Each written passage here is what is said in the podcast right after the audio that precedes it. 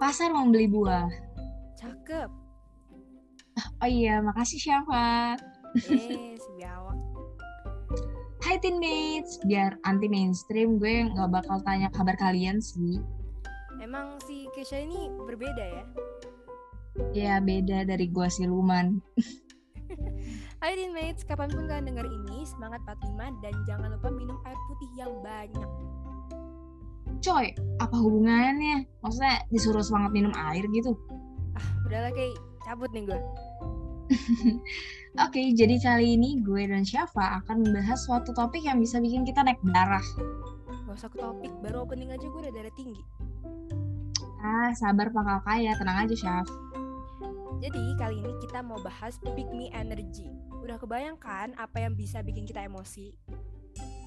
Nah, pernah nggak kalian secara sadar ataupun tanpa sadar menjadi wanita yang pick me banget?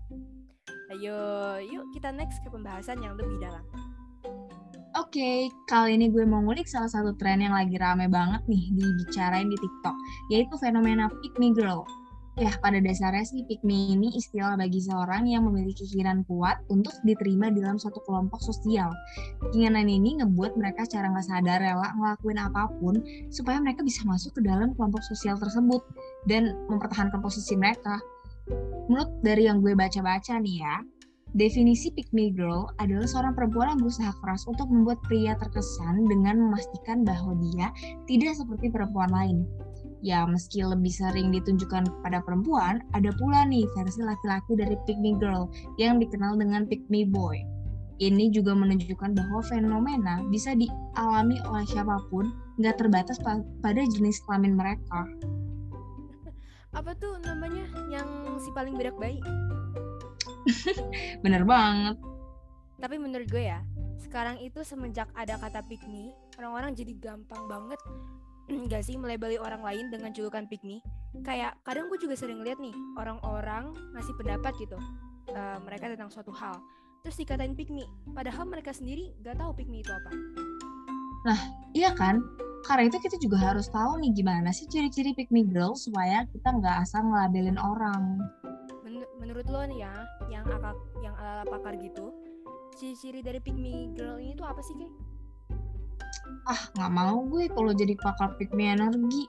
But anyway gue bakal jelasin deh karena gue baik ya. Ciri-cirinya adalah mereka mengaku kalau mereka benci menggunakan skincare atau make up jadi seorang girl tuh sering kali ini membuat lawan jenis terkesan ya dengan kelihatan kayak berbeda, eh gue nggak pakai skincare.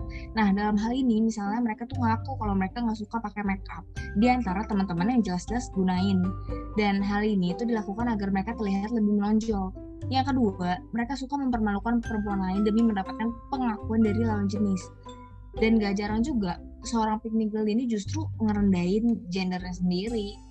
Nah, seorang pick me girl ngerasa dirinya lebih keren karena nggak ngikutin standar sosial atau stereotip perempuan pada umumnya sehingga mereka mungkin ngajakin orang lain atau sombong karena supaya dapat terlihat lebih baik gitu dari orang lain.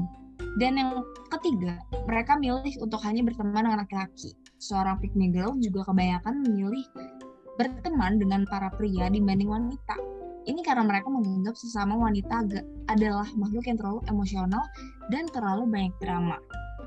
Lama-lama mereka juga bisa playing victim dengan kelakuannya kayak gitu ya. But terserah sih, mindset orang tersebut sih balik lagi. Kalau mereka memang pede ngakunya ya apa yang harus kita lakukan gitu kan. Perubahan kan datangnya dari diri sendiri. Setuju banget. Dan ini juga agak sedikit relate sama FOMO ya. Gak mau ketinggalan tren dan harus masuk circle whatever happens tahu nih gimana cara menghadapi seorang yang pick me girl atau pick me boy. Perlu kita tahu, semua orang pasti punya sifat ini karena manusia punya kecenderungan buat diterima di suatu kelompok. Tapi bukan berarti kita bisa menjatuhkan orang ya. Nah, Cara buat menghadapi seorang me yaitu dengan tetap berhati-hati dan menjauh karena kalau kita berhubungan dekat dengan orang tersebut bakal membawa dampak buruk bagi diri kita sendiri dan kesehatan mental loh. Belum lagi si me ini kadang ngelakuin hal-hal luar batas yang bisa bikin orang di sekitarnya gak nyaman. Benar, jadi tetap berhati-hati ya guys kalau kalian mau bergaul atau berteman sama orang lain. Harus pinter-pinter milih mana yang baik dan mana yang bawa dampak buruk bagi kita. Nah, tadi kan kita udah bahas teorinya nih. Sekarang waktunya praktek. Yuk, satu, dua, tiga. Dikira oprah kali. Maksud gue, lo pernah ada pengalaman real gak nih ketemu sama sang pick me energy, baik cowok maupun cewek, atau campur deh? Siapa ini kadang-kadang ya guys ya. Ya kalau gue pasti pernah dong, sekelas lagi. Dia bukan circle gue, God. Tetapi tetap aja namanya me girl pasti capernya kedengar, kedengeran di satu kelas. Biasa deh, kalau bercanda suka mukul-mukul cowok, suka berasa deket sama temen cewek gue yang lain. Padahal kata mereka, si me girl ini sama sekali nggak deket sama mereka. Cuma menempelkan diri biar dapat simbiosis mutualisme. Kalau lo sendiri pernah nggak, Chef? Kalau gue sebenarnya nggak tahu ini me apa enggak, tapi ini gatel parah dan banyak orang bilang ini juga termasuk me. Jadi gue pernah ketemu sama satu cewek ini yang masih sering chatin cowok orang. Bahkan sampai minta beliin ini itu dengan embel-embel dia udah kenal lama sama si cowok dibandingkan si ceweknya ini.